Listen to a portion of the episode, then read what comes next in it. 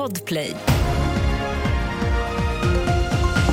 Det här är senaste nytt. Den svenska astronauten Marcus Wandt är åter i Sverige.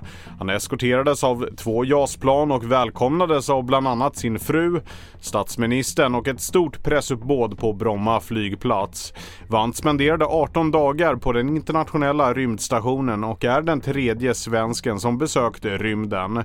Utdrag från presskonferensen och bilder hittar du på tv4.se.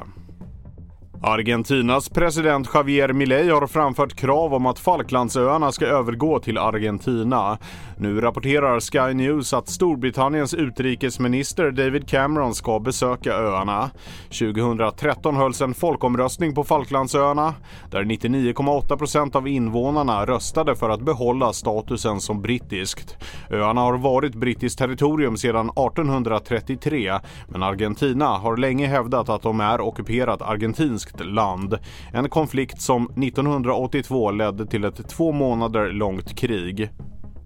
På förmiddagen drabbade fotbollssupportrar från klubbarna Gais och Elfsborg samman i centrala Borås, rapporterar GP. Polisen fick gå in och avbryta bråket och ett 20-tal personer från båda lagen omhändertogs och fördes till arresterna i Borås och Allingsås.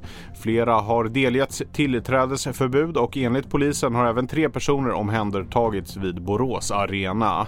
Mer nyheter hittar du på tv4.se.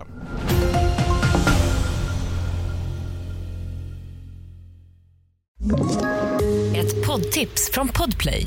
I fallen jag aldrig glömmer djupdyker Hasse Aro i arbetet bakom några av Sveriges mest uppseendeväckande brottsutredningar. Går vi in med hemlig telefonavlyssning och, och då upplever vi att vi får en total förändring av hans beteende. Vad är det som händer nu? Vem är det som läcker? Och så säger han att jag är kriminell, jag har varit kriminell i hela mitt liv men att mörda ett barn, där går min gräns. Nya säsongen av Fallen jag aldrig glömmer på Podplay.